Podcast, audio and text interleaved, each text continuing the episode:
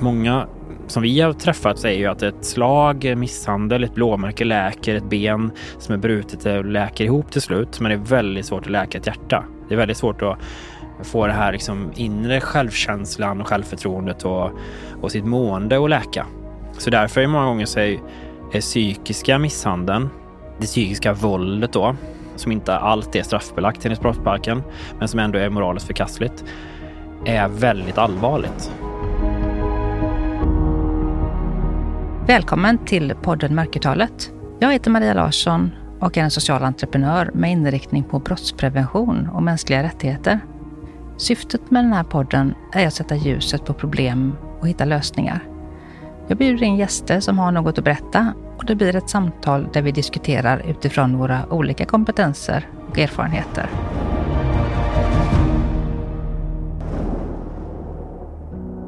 Idag blir det fortsättning med Marcus Antonsson. Välkommen hit. Men tack och tack för inbjudan igen då får jag säga. Ja, vi pratade ju om Igor-projektet som du är chef över förra gången. Och ja, jag kände ju inte att vi blev färdiga. Och vi skulle nog kunna prata väldigt, väldigt många tillfällen till då. Men mm. nu har vi ytterligare ett avsnitt här där vi ska fylla med sånt som vi ligger väldigt varmt om hjärtat, både dig och mig en liten recap på förra. Då. Där pratade de om vad det handlade om. Vad projekt Igor är ett samverkansprojekt mellan socialtjänsten och polisen. Pågått i två år, planerat ett år tidigare. Ni har gjort mycket framsteg. Det handlar väldigt mycket om att uppmuntra kvinnor att lämna och stödja under tiden.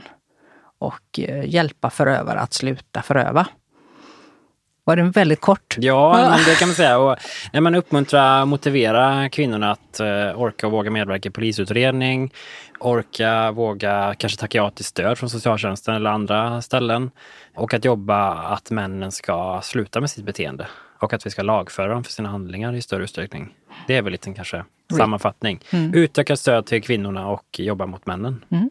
Och eh, allt jag hörde förra gången var ljuv musik i mina öron och bomull kring mitt väldigt sargade hjärta i den här frågan.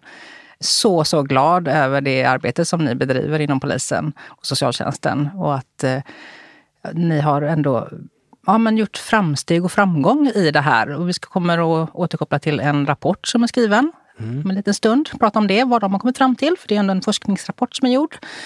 Och det känns ju väldigt bra att kunna ta avstamp i det, tänker jag, som mm. projektledare. Mm. Ja, men det känns skönt att någon utifrån har tittat på projektet. Mm. Och såklart kan man ju absolut skräddarsy det mer och göra det ännu bättre. Men det är bra att vi ändå får någon form av bedömning utifrån sett. Jag tänker att det är alltså både bedömning och någon slags evidens kring saker och ting. Ja, att det finns en empiri helt enkelt. Ja, jättesnyggt. Du pratade sist om att eh, måla en tavla kring det här med våld i nära eller brott i nära som polisen säger. Att um, man ibland får skriva eller måla utanför tavlan för att liksom mm. få med alla aspekter av det. Så här Och jag tänkte när du sa det, men jag kan inte flika in det, att för mig så är liksom våld i nära relation typ som en Rubiks kub. Att det är, den är tredimensionell och den är väldigt stökig och den är, ja, det finns så många aspekter av det. Och i samhället så tycker jag att man tittar på våld nära på ett ganska endimensionellt sätt. Och jag tänker att det kanske var det du menar med att man målar utanför tavlan. Ja, men jag tycker att Rubiks kub är ännu bättre metafor. För det, För det, det är verkligen som skruva fram och tillbaka, ja. olika färger, olika lösningar. Precis. Det tar lång tid att lösa mm. den. Ja, men alltså det är ännu bättre. Och den är olika sätt. Och även om man har en sida som är fin att du får en sida gul, säger vi då. Ja, att en myndighet skulle lyckas med sitt uppdrag. Då. Ja. Så de andra, det kan ju vara lika stökigt på baksidan ändå. Och ja. framförallt för den brottsutsatta, att man inte får rätt hjälp och stöd. Ja. Och att man då tvingas leva med det här ganska stökiga livet som då ser ut på ett visst sätt från ett håll men är sjukt komplicerat på andra hållet. Då. Och, verkligen. Ja, alltså det här med att eh, erbjuda det här stödet som ni har gjort, eller gör i Igor-projektet som är då ett lokalt, eh, en lokal satsning i Stockholm, mm. på Söder. Och när jag hör det och tänker i mitt eget liv att eh, wow, vad det hade gjort skillnad för mig och många som jag möter. Att få den uppbackningen, det stödet så tidigt. Det hade ju gjort att, som i mitt fall, inte behövt pågå så länge. Mm. 13 år i eftervåld nu och där det har varit ja, men sex år i akut eftervåld där det har varit så mycket insatser från samhällets sida. Och mm. hade Igor funnits då så hade det inte sett ut så. Det hade inte pågått i så många år. Det hade inte orsakat så mycket lidande för mig och mina barn. Så jag hoppas ju verkligen att det här blir liksom permanentat och, eller uppskalat sen. Vi kommer att prata vidare om det i programmet här då. Men mm. jag ser så otroligt stora vinster med att jobba och tänka på det här sättet. Och även utöka det till andra myndigheter. För nu är det här polisen och socialtjänsten i samverkan. Men även andra myndigheter behöver steppa upp i den här frågan vad gäller mäns våld mot kvinnor. Mm. Så glädjande, måste jag ändå säga, att sitta och prata om det här oerhört eländiga ämnet. Men hoppet och förtröstan och tänker att det här kommer bli bra, det kan bli bra. Men vi kan rädda liv, människor kan få bättre liv, goda mm. liv mm. efter att ha varit med om trauma och våld och övergrepp. Mm. Det ger ju ändå otrolig hoppfullhet i det här. Ja, men vad glad jag blir att du känner så. Jag och mina kollegor, vi känner ju verkligen att det gör skillnad på så många olika sätt. Och vi hoppas ju verkligen bara att få kunna liksom utveckla det vidare och göra det ännu bättre och sprida det här sättet att jobba på. Och det är ju så mycket som behövs från samhället för de här utsatta personerna. För att de ska må bättre, för att de ska orka. Och jag brukar säga så här, kan vi rädda en person, en kvinna, så är jobbet gjort. Men jag är helt övertygad om att man kan rädda många, många fler om vi skulle jobba på det sättet på fler mm. ställen. Ja, jag är inte så nöjd som du är kan jag säga då, för att jag tycker inte, absolut inte att det räcker med Nej, Nej jag förstår alltså att det är jag, ett talesätt, jag förstår ja, det. Men ja, just att så här. Det är liksom, vi måste skala upp det. Vi, vi måste, måste, skala ja. upp det. För jag menar, jag är inte heller nöjd med att en kvinna Nej. räddas. Jag vill rädda alla. Ja, precis. Det är verkligen så. Ja. Men om man tänker på att vi inte har jobbat i det proaktiva spåret tidigare och det måste vi göra. Mm. Vi måste liksom minska det här Ja, det är ju ert uppdrag. Det ingår i vårt uppdrag. Ja. Det är ju väldigt märkligt brost... att man inte har gjort det kan jag tycka. Ja, jag tycker också det. Det brottsförebyggande arbetet är väldigt viktigt i många aspekter. Dels att vi kan förhindra att det ens sker. Vi är ju bra att jobba inom polisen när det har skett någonting. Men vi är mindre bra på att förebygga att det inte sker. Och där tror vi måste lägga in väldigt mycket mer resurser. Och också utifrån ett kostnadsperspektiv för samhället. Det absolut viktigaste är att rädda liv och hälsa. Men om man också tittar på vad våld i en relation kostar samhället så kan vi vara väldigt mycket besparande för samhällsekonomin. Om man jobbar förebyggande så är det väldigt mycket billigare än att låta bli. Ja, ja. Det är också ett perspektiv man måste ha med. Men jag vill poängtera att det viktigaste är att rädda liv. Men politiker och, och eh, myndighetsföreträdare vill ju ofta prata om pengar och resurser. Ja, låt oss prata om det då. Mm. För det är väldigt mycket billigare att jobba förebyggande. Ja, men precis. Jag ska försöka få tag i en nationalekonom bara just för att ja. uh, kunna ha ett poddavsnitt med en sån person. Jag kan rekommendera Ingvar Nilsson, mm. nationalekonom. Okej, okay, då ska vi verkligen skriva upp Han lyssnar jag på på en konferens i Eskilstuna. Mm. Forum för jämställdhet. Mm. Nej, men det ska jag absolut göra. För det tänker jag, pengar fattar jag ju också att det är ett starkt incitament för eh, både politiker och myndighets eh, ja, generaldirektörer och så dylikt att eh, avsätta medel och pengar. Jag och förmodligen du vet ju att eh, förebyggande är att faktiskt spara pengar. Du, Absolut. Ja, jag ser ju på mitt eget case, liksom, 13 år i eftervåld. Det hade kanske behövts väldigt lite insatser de första månaderna så hade det inte behövt något mer. Det här har kostat fruktansvärt mycket pengar för samhället. Mm. Helt onödan. Och, och så mycket lidande. Stort lidande skulle ja, jag säga framför ja. allt. så mycket Men det är ju det att um, beslutsfattare goes with the money. Mm. Och jag tror att det är väldigt viktigt att vi för fram kostnadsperspektivet. Mm. Men såklart, det första är att rädda liv och mm. minska lidande mm. överlag. För det är så många som lever i den här utsattheten mm. i Sverige. Här och nu mm. blir eh, människor slagna. Ja, och precis. vi myndigheter vet inte om det. Nej, eller så vet vi om det och inte gör rätt saker. Slagna eller eh, ja, bragda om livet, det ser vi ju i dagspressen varje dag. Och idag så läste vi i tidningen om en kvinna som blev mördad för några år sedan, 2017, där mannen hade fått permission från psykiatrisk avdelning och gick ut och mördade. Och han hade sagt till läkarna innan, tre läkare visste om att han ville ha ihjäl henne. Och ändå blev han utsläppt. Så det behöver titta på det här på så många sätt. Liksom. Och där tänker jag också att det ni har gjort inom Igor här då, att lägga grunden som ni har gjort med eh, samtycke med att bjuda in, att höra av sig, att knacka på liksom och eh, krafsa på. Jag brukar säga krafsa liksom på ja. den här situationen som den här kvinnan ja. befinner sig i. För att se att hej, jag ser dig, det här är inte normalt, det här är inte okej, okay, man får inte bete sig så här mot dig. Att göra det och inte tröttna i det, det är helt avgörande. Mm. Eh, jag brukar kalla det för kaffsmetoden när jag pratar om det. Just för att eh, ge människor både styrka och mandat att faktiskt göra det i sin omgivning. Att okej, okay, jag ser det här. För man ser väldigt små pusselbitar. För mig mm. var det mm. så att det var det som fick mig att vakna. Det var tre mm. stycken vänner, kollegor, kompis, eh, släkting mm. som såg en liten, liten pusselbit. De hade ingen aning om min situation eller mm. hur det såg ut. Utan de bara såg, okej okay, Mine, jag ser det här. Mm. Du behöver liksom ha typ tillstånd för att gå ut och ta en fika. Så kan du inte ha det, det här är inte okej. Okay. Och då började jag tänka, nej, är det inte det? Okej, okay, mm. jag trodde att alla hade så att det var jätteomständigt att gå ut och träffa mm. sin tjejkompis. Och att man fick liksom be om mm. lov och hålla på. Och jag, bara när jag fick höra det och förstå det, att okej, okay, det är inte okej, det är inte normalt. Jaha, för, för mig var det normalt. Mm. Det är det som är normalisering. Ja. Och få höra det av andra personer och i synnerhet av en polis inom en polismyndighet eller socialtjänsten. Mm. Att se, hej, jag ser dig, det här är inte okej. Okay. Mm. Det är en awakening call om något som gör att man snabbare kommer ur den relationen. Snabbare får liksom möjlighet att liksom avbryta det, rädda sina barn och sig själv. Mm. Och också då avbryta våldet och mm. att um, minska lidandet och framförallt liksom avbryta så det blir inga mer skador. Det blir inget mer våld, det blir inga mer mm. alltså, skador på kropp eller dödande. Om man också tar hand om lämnandeprocessen på ett bra sätt. Då. Ja. Det kan bli mycket psykisk påfrestning. Även fast det ja. fysiska slutar så är det ändå det psykiska påfrestningen mm. också väldigt så. Det är väldigt viktigt det du säger, att folk i ens omgivning reagerar. Mm. Att Maria, det här är inte naturligt, det här är, liksom, det här är fel. Hur mår du egentligen? Liksom? Och att man får frågan och att folk kan lyssna på svaret också, ha tid för det.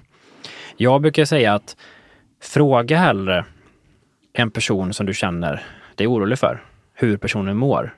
Det är bättre att fråga än att inte fråga. Många som vi träffar upplever såklart att frågan är du utsatt för våld i en relation? Slår han dig? Det är jättejobbigt att få den frågan.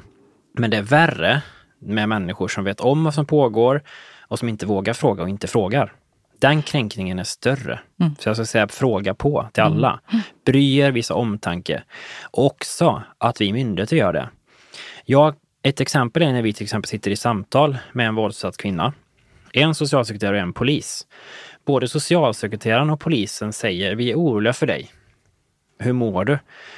Det ger en väldigt stor stuns för den här kvinnan. Att det bara är en socialsekreterare som säger det kan ge en viss effekt, men att vi gör det tillsammans, det ger dubbel effekt. Mm. Minst. Och det är någonting i att en polis också visar oro tillsammans med en socialsekreterare som de har bra kontakt med. Mm. Det gör någonting i dynamiken.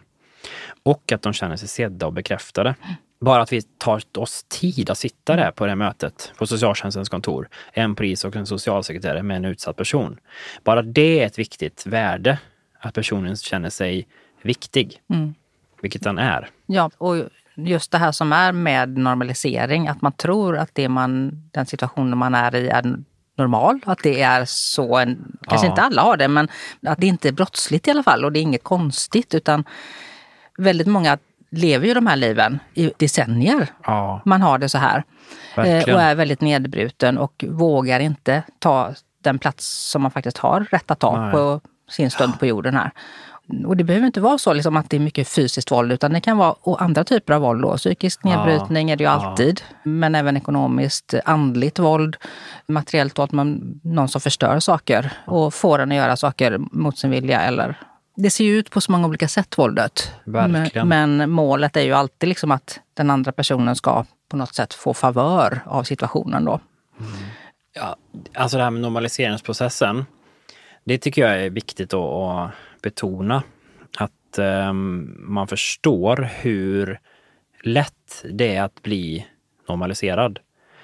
För utifrån sett kan man tycka så här bara, men eh, hur kan hon inte liksom lämna? Hur kan hon inte gå? Liksom, varför ser hon inte de här liksom tecknen och sådär? Men Problemet är att det här kommer ju gradvis. Det här kommer ju successivt. Man begränsas livsrummet liksom mer och mer och mer. Till en början kan det vara så att mannen är jättecharmant och snäll och sådär. Men så säger han liksom att ja, ah, men den där tjejkompisen du har, hon tycker jag är lite flamsig och hon är, hon är som en slampa. Henne vill jag inte att umgås med liksom. Och så tänker kvinnan att ja, okej, okay, ja, men okej okay, då, jag umgås inte med henne då. Och sen så kanske liksom det kommer att, ja men din mamma hon är lite jobbig, liksom, så här, behöver vi träffa henne på söndagsmiddagen? Liksom att det kommer så här smygande med många olika saker som i sig kanske inte är så konstigt. Jo, för oss kanske det låter konstigt nu när vi pratar om det, men för kvinnan i den här situationen så blir de här små pusselbitarna inte så eh, betydelsefulla förrän det läggs till ett helt pussel. Och där då mannen har begränsat livsutrymme på så pass många plan som gör att eh, kvinnan tappar sitt umgänge, sitt livsutrymme. Och då är det väldigt lätt att bli begränsad, eh, isolerad och också bara har sin partner kvar till slut. Och då blir hotad och slagen och, och att det är det här värme och kyla hela tiden. Liksom. Och det kan gå väldigt fort också att bli normaliserad. Och det som du sa innan så bra, att man får liksom helt normala fysiska och psykiska reaktioner på onormal händelse eller händelser. Och det är ju det det blir här också, att man påverkar sig så mycket på olika sätt i den här situationen som gör att man får olika åkommor eller liksom man drabbas av olika saker, diagnoser och annat på grund av våldet.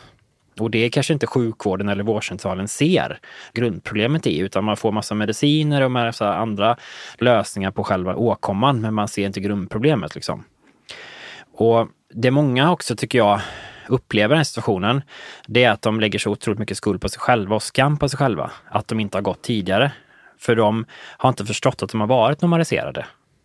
Och därför tror jag så här att det är väldigt viktigt att folk i ens omgivning faktiskt reagerar på saker och ting som inte till synes är normalt. För den här personen som själv är i det har svårt att se det.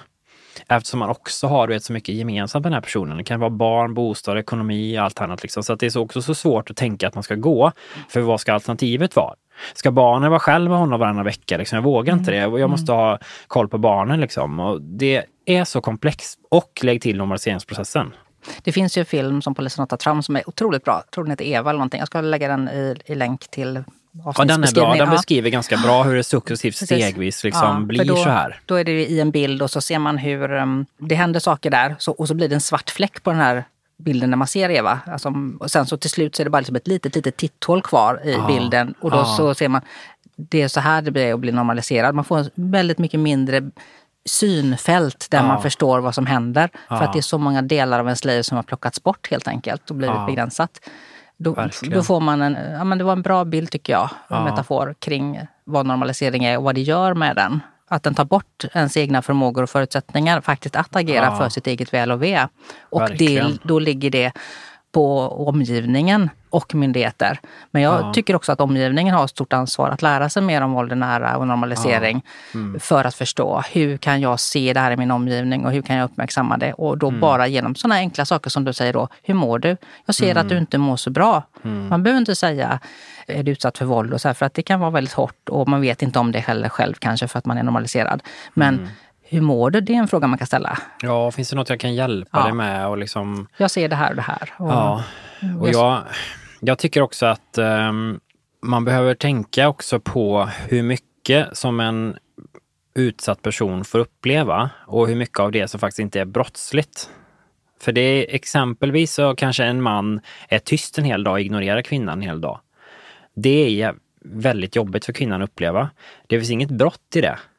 Men det känns väldigt jobbigt psykiskt för henne att uppleva detta. Att bli så ignorerad en hel dag till exempel. Och lägg till då att han säger jävla hora till henne på kvällen. Det är ett brott, det är förolämpning. Och sen så kanske det kommer att han eh, har gömt hennes telefon. Hon tror att han har, hon tappar bort telefonen. Men i själva verket har han snott telefonen och lagt den i byrålådan. Vilket gör att hon liksom, har jag lagt min telefon? Jag är så glömsk nu liksom sådär. Och han liksom, ja men fan vad slarvig du är och sådär. Och det är kanske inte heller något brott man kan styrka. Men eh, nästa dag kanske han gör sönder sin, hennes telefon och då är det liksom materiellt, då är det liksom skadegörelse. Och eh, nästa kväll så kanske han eh, tittar på henne på ett mm. speciellt sätt, och som han brukar titta på henne innan han slår henne. Men det går inte heller att bevisa. Men det är en känsla som kvinnan har, det latenta mm. våldet, mm. det ligger som en våt filt. Och nästa kväll så har han nästan på att strypa henne när han mot hennes vilja då har sex med henne, liksom våldtar henne. Och så förstår liksom att det är så många olika situationer, mm. så många olika händelser i den här kvinnans liv. Vilket gör att liksom, sen då när polisen kommer och ska, ska fråga vad är det som har hänt, vilka brott mm. är det som har utsatt dig för, så är det ju väldigt svårt också för den personen eftersom man levt i normalisering och också svårt att identifiera vilken händelse var brottslig och inte, för det blir bara en stor sammanblandning. Och det jag vill påvisa är att det finns väldigt mycket olika sorters våld. Vi var inne på det lite förra gången också. Och allt är inte straffbelagt enligt brottsbalken. Men mycket av det till exempel psykiska våldet är ju det. Vi pratar om förolämpning, vi pratar om förtal, vi pratar om olaga hot, vi pratar om vissa fall av ofredanden där man kan få in det psykiska våldet. Då. Och sen vet jag att det förekommer diskussioner nu på att ta ett ytterligare straff eller liksom brott som kallas psykisk misshandel. Och det kanske skulle vara bra att man har ytterligare ett sådant brott, där man kan få in det här mer subtila, det här latenta på något sätt, att man straffbelägger det på något sätt då. Men det vet jag inte riktigt hur det ska gå till, men jag tycker ändå det är värt att titta på det. Och sen har vi liksom eh, våldtäkt, eh, misshandel och man ska veta att väldigt många kvinnor i den här situationen går ju med på att ha sex mot sin vilja. För annars så slår han mig. Det är ju rena rama våldtäkter. Men det är ju inte så lätt att bevisa. Och eh, det är ju det här också som är så himla problematiskt för att blir det då sen att kvinnan känner sig, nej men jag vill lämna, då hotar oftast mannen med saker och ting. Att man ska ta livet av sig, att man ska ta barnen, man ska döda hunden och liksom så, här. så det finns ju också, liksom, när kvinnan försöker frigöra sig, då kommer oftast mycket motreaktioner från mannens sida, vilket gör att kanske kvinnan tar ett steg tillbaka och inte gör det hon behöver och vill. Så att jag återkommer hela tiden till att det är så otroligt komplext det här mm. och att vi behöver verkligen se på det här problemet från många olika håll och kanter och att vi behöver liksom förstå svårigheten i den här kvinnans liv.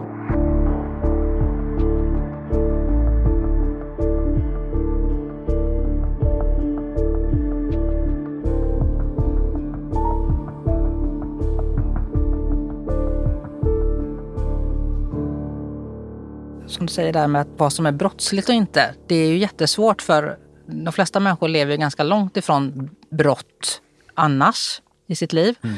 Och är man då normaliserad vid brott så är det väldigt svårt att veta, okej, okay, vad är grunden för åtal? Alltså vad är, vad är det som är brottsligt? Och det behöver ju inte ens vara så att det som är mest kränkande mot en som person och nedbrytande mot, det, mot mig är ens brottsligt.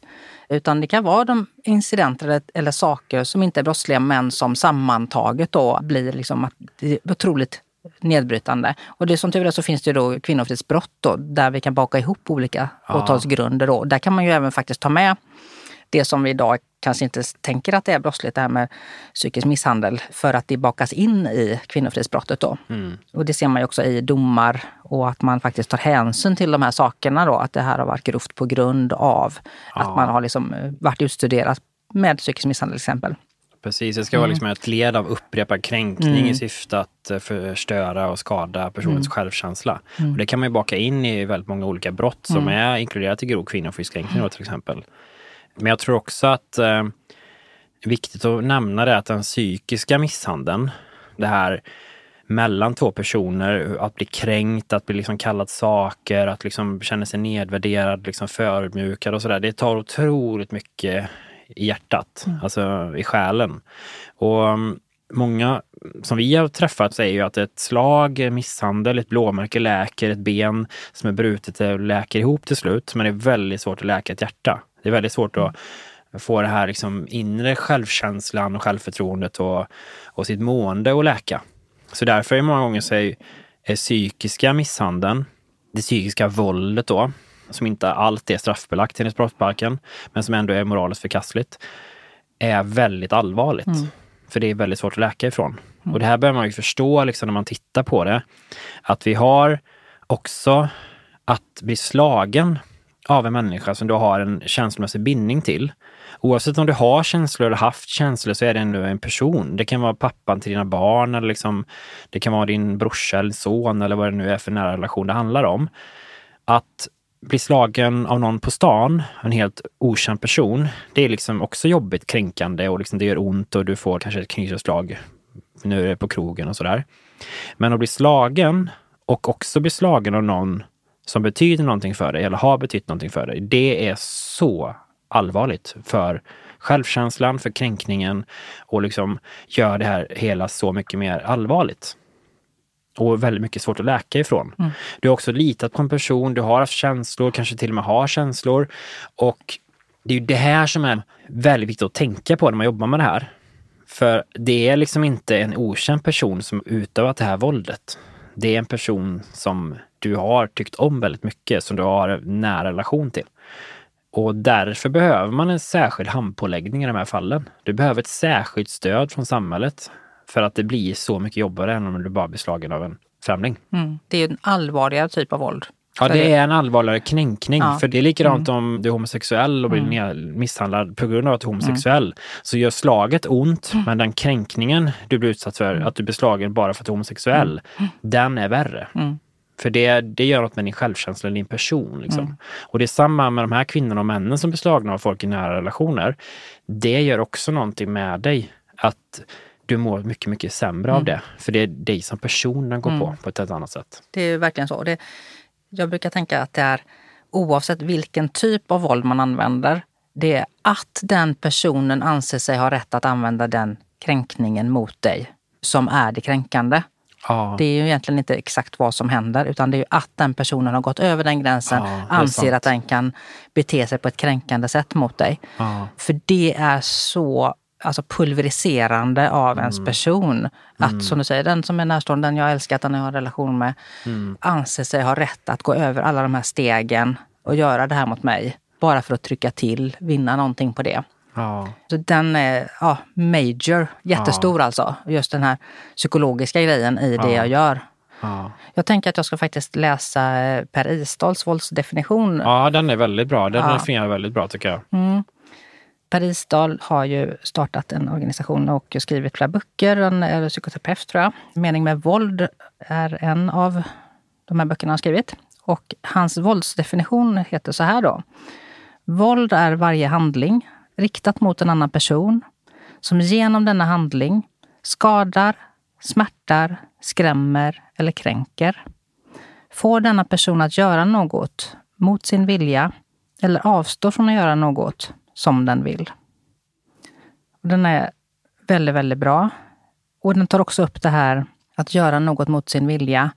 Men framförallt det här att avstå från att göra något mm. som den vill. Mm. Och det upplever jag med många brottsutsatta, våldsutsatta och inklusive mig då, att man har blivit så manipulerad i många tillfällen att man har avstått från att göra saker som man vill fast man har gjort det av eget val. Och då tänker man att man själv är medskyldig i det och att mm. det inte skulle ha blivit så illa om jag inte hade gjort det här valet. Ja. Alltså man blir så kidnappad i sin egen situation mm. och tänker att jag har skuld i det här för att jag gjorde ett val att göra på det här sättet, att mm. avstå från någonting eller gå en viss mm. riktning. Och att man har svårt att lägga skulden och skammen där den hör hemma på grund av de här mekanismerna. Verkligen. Och det är det här vi möter så mycket, att de lägger så mycket skuld på sig själva. Det är det första vi måste säga till eh, en utsatt person, att det är absolut inte ditt fel. Du ska inte lägga skuld på dig själv. Mm. Det är inte du som har hamnat i den här situationen. Det är han eller hon som har fått dig att hamna i den här situationen. Och det tror jag vi som jobbar med detta och andra personer runt de här personerna måste inse och verkligen påtala för dem så många gånger. Det är inte ditt fel. Och som du säger, man har gjort det av fri vilja, men man har gjort det av en helt annan anledning. Ja, man vet ju inte att man är manipulerad. Nej, alltså det... du, du, vet inte att du är manipulerad, mm. du vet inte att du är normaliserad. Nej. Och också så här att liksom, hur kunde jag träffa honom? Varför såg jag inte tecknen tidigare? Och ja, det finns ju ingen man som liksom visar sitt rätta jag från början om man är våldsutövare. Man kan vara jättecharmant, jättetrevlig. Man kan vara det i ett helt år. Liksom. Och sen kommer de här små sakerna, det här kontrollerande beteendet, små pusselbitarna kommer och till slut blir det ett stort pussel. Liksom. Och det kan ju föregås kanske av två års psykisk kränkning. Liksom. Och sen kommer slaget för två år. Och det är ganska långa processer det handlar om. Och det viktigaste tycker jag jag vill skicka med nu till ja, men våldsutsatta som lyssnar på det här. Att så här, det är inte ditt fel. Du kunde inte förutspå detta. Du såg inte det här komma. För att hade han visat sig vara som han är, första dejten till exempel, då hade det ju gått direkt. Det gör man liksom. Då hade det varit swipa vidare på Tinder. Men det är ju det här som är så komplext att männen visar ju sig inte vilka de är från början. För då skulle inte man bli kär i den här personen. Det är också så att det kan vara jättebra jättelång tid och sen kommer det här smygande och blir jättedåligt. Och då tänker man ofta så här, man är ju egentligen snäll och han har ju varit snäll en gång och liksom, han är så snäll när han är nykter och, och så vidare. och så vidare. Man har ju den här värmesituationen där det liksom är väldigt bra. Och sen har man den här situationen där det är väldigt, väldigt dåligt, där det liksom är misshandel, det är våld, det är liksom brott och sådär. Men om han nästa dag är liksom jätteursäktande och köper blommor och jag ska aldrig göra det igen och jag älskar dig och jag blir så frustrerad, jag har mycket på jobbet det var därför liksom, jag menar inte göra så här. Alltså det är så mycket liksom olika saker som kommer fram till de här kvinnorna för att få dem att stanna kvar. För mannen inser att han har gått över gränsen och är grövsta. Och då liksom jättesnäll en period. Och sen så kommer det tillbaka. Det är inte så konstigt att man i den situationen inte vet varken ut eller inte slut. Liksom. Nej, verkligen så. För de är också väldigt mm. duktiga på att manipulera. Mm. De är ofta väldigt verbala, mm. kan vara väldigt charmanta. Vilket gör att omgivningen kan ju inte se att den här fotbollstränaren eller kollegan på jobbet eller sin brorsa är en våldsutövare. För de är väldigt bra på att dölja det och också lägga över skulden på kvinnan. Att det är henne det är fel på, hon har provocerat mig och så vidare. och Så vidare. Så att det är också väldigt komplext och, mm. och vara utsatt i den situationen där ingen då liksom, nej men han är inte sån. Jo, mm. i hemmets fyra väggar så är han riktigt, riktigt elak mm. och han slår mig. Men hur, det är ingen som kan tro det nej. om liksom... Hur många gånger har vi inte hört det? När ja. reportrar står på ja, ah, det här, nu har det skett ett mord här. Ja, ah, det hade vi aldrig kunnat tro, säger någon granne och så här eller någon som... Nej, liksom, och det är en viktig grej att tänka ja. så här eller också uppmana till mm. i, i samhället och stort att det är så många gånger jag har hört det också. Mm. Ja, vi misstänkte det här och vi, vi hade våra oro, liksom vi Ja, det här har pågått väldigt många år. Det här mm. liksom sådär. Ja, men varför har ni inte mm. gjort någonting? Då? Varför har ni inte agerat? Varför har ni inte kontaktat polis och socialtjänst? Varför har ni inte tipsat mm. polis och socialtjänst? Varför har ni inte ringt 112? Mm. Varför har ni liksom inte... För jag tycker det är inte okej okay om en kvinna har blivit mördad och flera grannar, anhöriga säger ja, det här har pågått under lång tid ja då lägger jag över ansvaret på dem faktiskt, mm. att inte de har agerat och är, hört av sig. Man kan faktiskt tipsa polis och socialtjänst, man kan göra anonymt om man vill det. Men vi måste få den här informationen så att vi kan jobba med ärendena. Att vi kan komma dit i professionellt bemötande, hantera de här situationerna. Och också att andra människor runt både våldsutsatta personer men även runt våldsutövare säger ifrån. Det liksom räcker nu. Har du en våldsutövare som du vet håller på att utöva våld, då är det ditt förbannade ansvar att säga ifrån och liksom få den här personen att sluta med det. Och också tycker jag, som vi sa innan, att du frågar om du har en våldsutsatt person som du misstänker, liksom finns en oro kring och sådär. Fråga, bry dig. Att inte bry sig, det kan vara förenat med livsfara. Mm. Att hon kanske är död om två veckor. Mm. Visa att du finns där för den personen ja. om den vill det. Och också mm. vara kvar där om du får svaret att ja, jag är utsatt. Då mm. kan du inte bara vända på klacken och gå. Mm. Utan det måste finnas tid, det måste finnas mm. empati, omtanke, tid att faktiskt hantera det också då. Mm. Sen vill jag bara säga, för det är många som är lite rädda för just den biten då. Att oj, hur ska jag kunna ta hand om det? Och de tror att de har ett ansvar då. Då vill jag säga att det är väldigt få i den situationen när man är kvinna och utsatt som bara oj, oj, oj, tack för att du frågar och här är hela mitt liv och all mitt skit och allt mitt elände. Det är väldigt få som... Det är väldigt få som vågar öppna ja, upp sig. liksom. Eller som Så. är i det, i det, stadiet. Men att krafsa där och säga hej hur mår du, jag ser dig, mm. jag ser att du inte mår så bra, jag ser att du inte... Det gör någonting med den att man själv kan ta det vidare. Men mm. jag upplever att det är väldigt många kvinnor som är i den situationen. Det är inte så att man lägger allt i knät på någon. Så att du som lyssnar och är orolig för att ta steget att faktiskt fråga någon mm. och ställa så här, hej hur mår du och hur är ditt liv liksom? Ja. Eller hur har du din relation? Eller vad man nu tänker att man frågar. Ja. Du behöver inte vara orolig för att du ska behöva ta hand om den personen och den personens liv. För så är det inte. Och dessutom så kan ju du vara en hjälp att slussa vidare. Absolut, ja. man kan göra någonting i alla fall. Ja. Och jag tycker också det är viktigt att poängtera att om någon berättar det här så måste man våga stå kvar. Mm. Man måste finnas där. Är man en vän på riktigt, då står man kvar. Mm. Även när det blåser och även när det mm. blir jobbigt. För jag upplever också att många kvinnor berättar för oss att nej men mina vänner har liksom övergivit mig. De har inte orkat att jag gått tillbaka flera gånger till honom och sådär. Men är man en vän så måste man orka. Du måste förstå de här mekanismerna. Och du måste också orka och faktiskt finnas där för din vän, om du är en riktig vän, när hon behöver hjälp. Så jag tycker också att man faktiskt behöver steppa upp som kompis. Och alla kan göra någonting. En kompis behöver inte göra allt, utan är man ett kompisgäng på tio personer, då kan man turas om och höra av sig. Man kan liksom mm. engagera sig och stötta den här personen på många olika sätt. Jag tycker också att absolut, man ska inte känna att man har ett ansvar liksom för en annan människa på det sättet. Men man har ett ansvar att vara medmänniska. Mm. Man har ett ansvar att göra någonting i alla fall. Och framförallt att börja fråga, hänvisa mm. vidare. Mm. Liksom få dem att kanske gå till myndigheterna eller till en kvinnojour. För jag tycker det är viktigt att nämna kvinnojourerna. Mm. Tjej och kvinnojourerna fyller ett väldigt viktigt syfte. Det är att stötta personer i den här situationen. Och det är ganska ofta så att på de här kvinnojourerna så finns det människor som har jobbat där länge och som också har kanske haft en egen utsatthet, varit själva i våldsutsatthet och då kan förklara att jag själv varit i den här situationen, jag har tagit mig ur, det gick till så här och att de här kvinnorna som är i den här situationen kan få en förebild. Få också riktig förståelse från någon annan människa som upplevt detsamma. För det kan vi myndighetspersoner ha svårt ibland att förmedla. Jag kan ju så utifrån min erfarenhet så här, tänka mig in hur det är och liksom stötta på det sättet. Men jag kan inte på riktigt förstå om jag inte själv har blivit utsatt för det. Och många som jobbar ideellt på kvinnojour har ju faktiskt varit utsatta själva och valt att liksom en del av sitt liv hjälpa andra i den här situationen. Så det vill jag faktiskt tipsa om att är man i en sån här situation så kontakta en tjej och kvinnojour. Mm. För där finns det otroligt mycket stöd och hjälp att få. Och kunskap om Och, och kunskap ja. och då kan de också i sin tur lotsa vidare till socialtjänsten sen Precis. och socialtjänsten ska lotsa vidare till mm. polisen mm. och sådär. Vi liksom alla behöver hjälpas åt, mm. både civilsamhället och det offentliga samhället behöver liksom hjälpas åt den här frågan. Vi klarar inte det här ensamma, utan mm. det är liksom det här tillsammansperspektivet som behövs. Mm.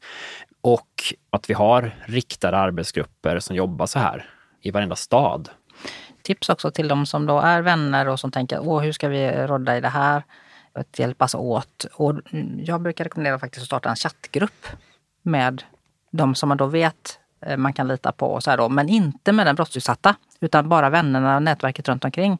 För då kan de stötta varandra i att hjälpas åt. Att både ta reda på saker, eh, förstå vad som händer, ventilera. Jag såg det här, jag hörde det här. Eller så här, vad är det? Vad tror ni? Vad har ni för upplevelse av det här som händer nu kring den här kvinnan eller utsatta mm. personen? Och också stötta varandra i så här, okej, okay, men då tar jag reda på det här, då gör jag det här. För att ensam och stötta i en sån här situation, man blir trött också. Det är utmattande även för de som finns runt mm. omkring då i vanmaktssituation och så här. Mm. Så att det, det är väldigt gott att känna att man är fler.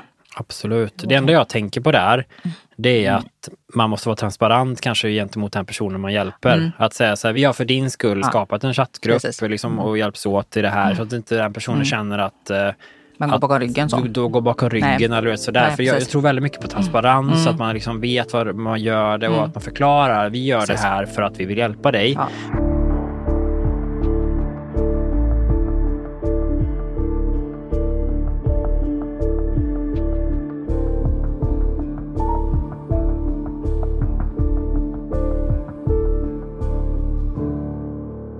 Jag tänkte att jag skulle vilja faktiskt prata om det som då inte är samtycke. För ni bygger ju er metodmodell på samtycke.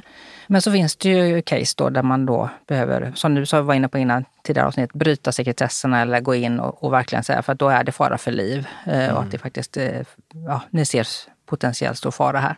Mm. Och jag har ju tänkt lite grann på det här med eh, LPP då. Lagen om psykisk tvångsvård. Är det okej okay att vi bara pratar om det lite mm. grann? Mm, absolut. För min go-to-idé är ju då att Socialstyrelsen gör ju dödsfallsutredningar angående mördade kvinnor och de som nu numera ingår även att de ska utreda de som nästan har blivit mördade. Mm. Och när man läser de dödsfallsutredningarna så ser man ju då att det är ganska många män där som faktiskt inte är kriminella sedan tidigare. De är alltså inte kända av polisen sedan tidigare. Utan det är vanliga män, som det då heter. Men en del av dem då har faktiskt sökt kontakt med psykiatrin innan. Och där tänker jag då, hur kan man använda LPP, eller lagen om psykiatrisk tvångsvård heter det va? LPT. LPT, förlåt. På ett sätt som gör det, för jag hade tänkt så här att när jag hör dig prata om Igor och det är ljuv musik och jag bara tänker okej, okay, hur kan vi addera andra då? Som i det här fallet då vården. Kan ni ta med det här till exempel då, LPT, i, mm. i verktygslådan ja, om ni nu får liksom eh, resurser längre fram här att kunna liksom utöka det här. För det jag ser bara, det här är ju en väg som ni har valt som mm. är fantastisk och ni ska ju bara addera mm. andra saker till det här som gör att ni blir ännu bättre, ännu starkare. Mm. För det, som sagt var, att jobba med mäns våld mot kvinnor, det kan inte lösas på ett sätt. Men den grunden som ni har lagt med samtycke, den är ju fundamental. Den grunden ska ju alltid finnas där. Det är ju mm. ja, grundfundamentet helt enkelt ja. i det här hur man ska adressera det här. Mm. Men sen måste man ju bygga på med andra åtgärder, tänker jag. Mm. Så, mm, ja. Har du tankar ja, kring det? Men, väldigt bra fråga. För det första är det ju massa pusselbitar som mm. behöver läggas i det här enorma pusslet för att eh, stoppa det här, motverka detta, rädda fler. Mm. Och en del är att man tittar på männens mående om vi nu tar män som kvinnor specifikt. Det finns ju såklart alla relationer oavsett identitet, könsidentitet på våldsutövaren. Eh, men om vi bara tar som exempel män som och kvinna nu då. Så behöver man ju titta på hur den här mannen mår. För många av männen har ju psykiatriska problem. Mår psykiskt dåligt, kanske behöver prata med någon, behöver gå i terapi, eh, taskig självkänsla, väldigt svartsjuka. Mm. Stor makt och kontroll och sådär. Vad gäller LPT, lagen om psykisk tvångsvård, så är det väldigt svårt att få ett sådant beslut. För det ska vara allvarlig fara för liv och hälsa. En allvarlig psykisk störning, allvarlig fara för liv och hälsa. Den definitionen är liksom, det kräver väldigt mycket för att få igenom det beslutet. Och eh, jag kan ju tycka att eh, man behöver ta de besluten, kanske i fler fall. Det kan man ju säga eftersom, eftersom det nu har skett eh, mord. Ja, det har skett väldigt mycket mord där ja. männen har varit väldigt sjuka, mm. det är psykiatriskt sjuka. Mm. Och jag tycker att det ena behöver inte utesluta det andra, utan nej, man kan nej. jobba med att få in dem på öppenvård, mm. psykiatrisk mm. öppenvård. Och många har ju också sökt den här vården innan brottet sker. Så där tror jag vi som samhälle behöver vara väldigt lyhörda och ta hand om de männen som faktiskt vill söka hjälp och ta hand om dem på ett bättre sätt. Och sen behöver vi nog ta mer RPT-beslut än vad vi gör idag. För att man behöver se också andra mekanismer och att eh, det finns en stor fara för den här personen att skada en annan person. Liksom, inte bara sig själv utan Nej. andra. Det är också liksom en definition såklart i lagen om mm. psykiatrisk mm. tvångsvård att så här, allvarlig fara att skada sig själv eller någon annan. Mm. Så det är absolut en pusselbit att jobba vidare på. Mm. Och jag tycker att tät kontakt med psykiatrin, tät kontakt med beroendevården, tät kontakt med sjukvården är väldigt viktig. Och det är väldigt viktigt att du lyfter upp de här eh, dödsfallsutredningarna som släpps var tredje år från Socialstyrelsen. För nu blev vi kontaktade i Igor-projektet och ser att väldigt många av de förslagen på lösning. Vi får ju alltså väldigt svidande kritik, myndigheterna, socialtjänsten, polisen, kriminalvården, sjukvården. Varje gång de släpper den här rapporten, var tredje år, ser det likadant ut. Det är samma typ av kritik som kommer och den är svidande stark. Nu är det intressant att se. Som vi jobbar i IGO-projektet så kan vi stämma in på ganska många av de rubrikerna som Socialstyrelsen tycker att vi brister i. Så att ni du menar att ni ger svar Igor på det? kickar in ja, i väldigt många ja, av de här delarna som de tycker ni, att vi ska ni göra. Ni check i boxen på det? Ni... Ja, till exempel att man inte arbetar tillräckligt aktivt för att få en målsägare att medverka i en utredning. Mm. Det gör vi på Igor. Mm. Vi gör individuella bedömningar. Mm. Det efterfrågas också. Mm. Nya metoder, arbetssätt, det testar vi dagligen nu. Mm. Påvisa liksom politiker på att göra lagändringar, det gör vi också. Så att det finns väldigt många delar i den här dödsfallsrapporten som vi faktiskt gör inom Igor, där Igor kickar in. Och det har gjort att vi har varit på Socialstyrelsen vi har varit där fyra gånger mm. och föreläst om Igor, men också har vi hjälpt till med att skriva den här handboken som ska ut till alla myndigheter. Har vi varit med och hjälpt till med. Så jag tror att det är viktigt att man tittar på de här förslagen på lösning, tittar på kritiken som myndigheter och liksom samhället får och gör någonting av det. Mm. Men det måste vara konkreta lösningar som är svaret på hur vi ska göra detta. Det får inte vara att man ska skriva fina publikationer och säga att man ska göra ditt och datt och hit och dit, utan det måste landa ner i konkreta åtgärder. Det är jag väldigt tydlig med. Vi kommer inte komma någonstans om vi inte har konkreta motåtgärder. Det går inte att säga att ja, vi vill ha fred på jorden, för att det funkar ju inte. Utan, nej, men det, det funkar inte. Nej, utan nej, du måste, behöver påvisa att det här och det här och det här gör vi. Det är det vi känner nu, liksom mm. att, det, att det finns en riktad arbetsgrupp som kan lägga energin och kraft och kompetensen rätt mm. och jobba tillsammans på riktigt varje dag för att stötta de här kvinnorna och för att jobba mot att männen ska förändra sig är väldigt viktigt. Mm. Och i det så kan man koppla på andra myndigheter, andra aktörer. Jag menar, det är jätteviktigt att vi har nära samarbete med psykiatrin så att de männen som behöver gå dit ska gå dit. Det är jätteviktigt att vi har nära samverkan med beroendevården och alla andra aktörer i samhället. Liksom.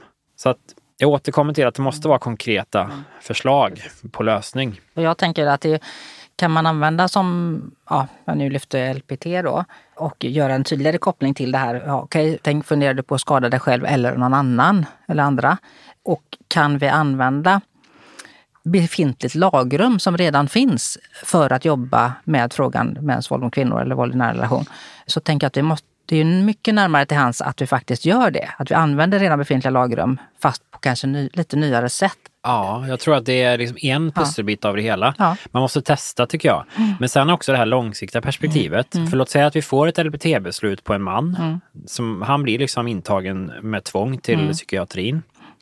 Men vad händer när han släpps ut dagen efter då? Ja, nej, nej, vem håller uppföljningen? Ja, nej, nej, vem, liksom, vem håller bli... den här långsiktiga ja, uppföljningen? Och liksom, det är det som jag tror att vi vi behöver ha riktade mm. arbetsgrupper som jobbar med, med mm. detta dagligen. Ja, ja. Och ni och, polisen ha, måste ju vara liksom, inblandade i det. Måste vi måste vara inblandade, socialtjänsten ja. måste vara inblandad, ja, vården måste vara inblandad, ja, kriminalvården måste vara inblandad. Jag tror att det är eh, både kortsiktiga mm. lösningar men också långsiktiga mm. lösningar tillsammans. Mm, För jag menar, exemplen nu med mannen som blir intagen till psykiatrin mm. på tvång. Mm. Vad händer när han kommer ut? Då kanske han är ännu argare, mm. ännu mer motiverad till att mm. skada den här kvinnan. Mm. Och där måste man ju följa upp och se hur kan vi skydda kvinnan och barnen? Hur kan vi liksom jobba med att han ska få långsiktig vård och inte bara i det akuta tillfället när beslutet togs.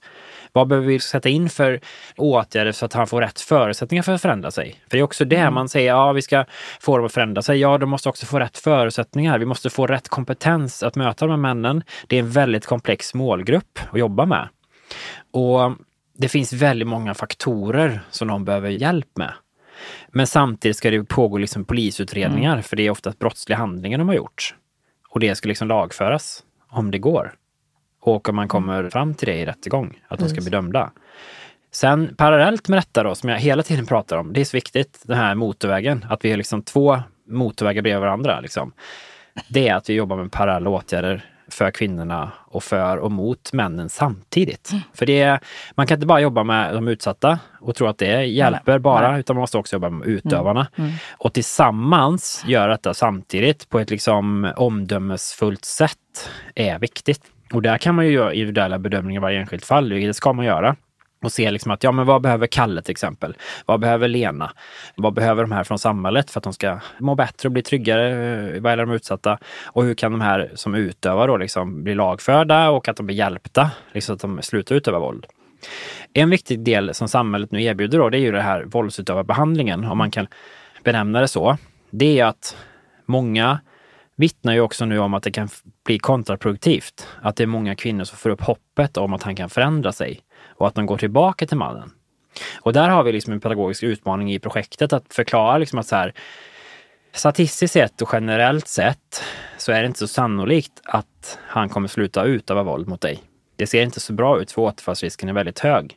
Men att samhället nu erbjuder behandling parallellt med utredningen ska ses i skenet av att inte ska träffa en ny partner i framtiden. Och göra samma sak där. Och göra samma sak. Nej, precis. Och vi måste mm. vara ändå transparenta och tydliga med att mm. vi vet inte hur det ser ut vad gäller liksom forskningen, vad gäller hur slutar här männen utöva våld? Funkar behandlingen? Det är dåligt beforskat.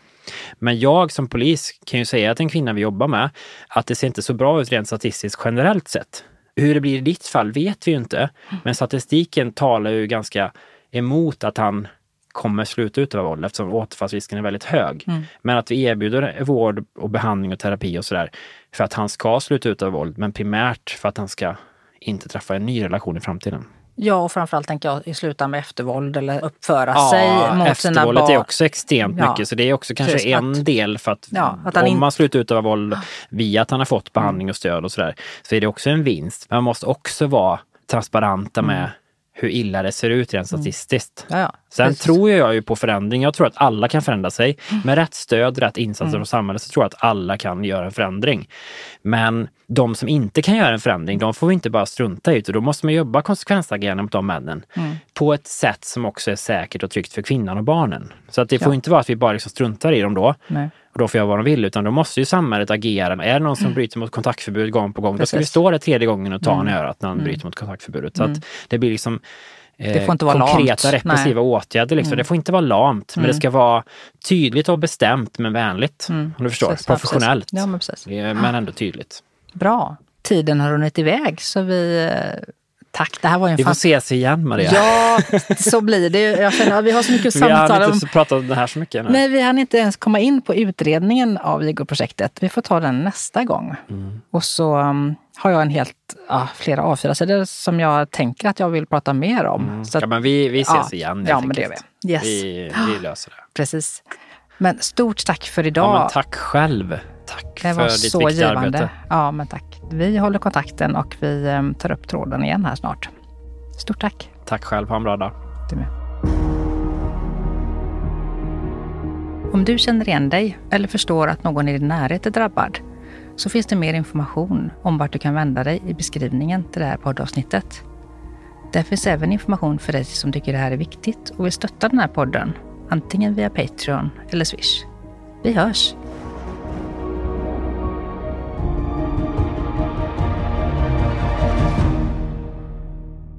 Podden Mörkertalet produceras av mig, Maria Larsson och Stray Dog Studios.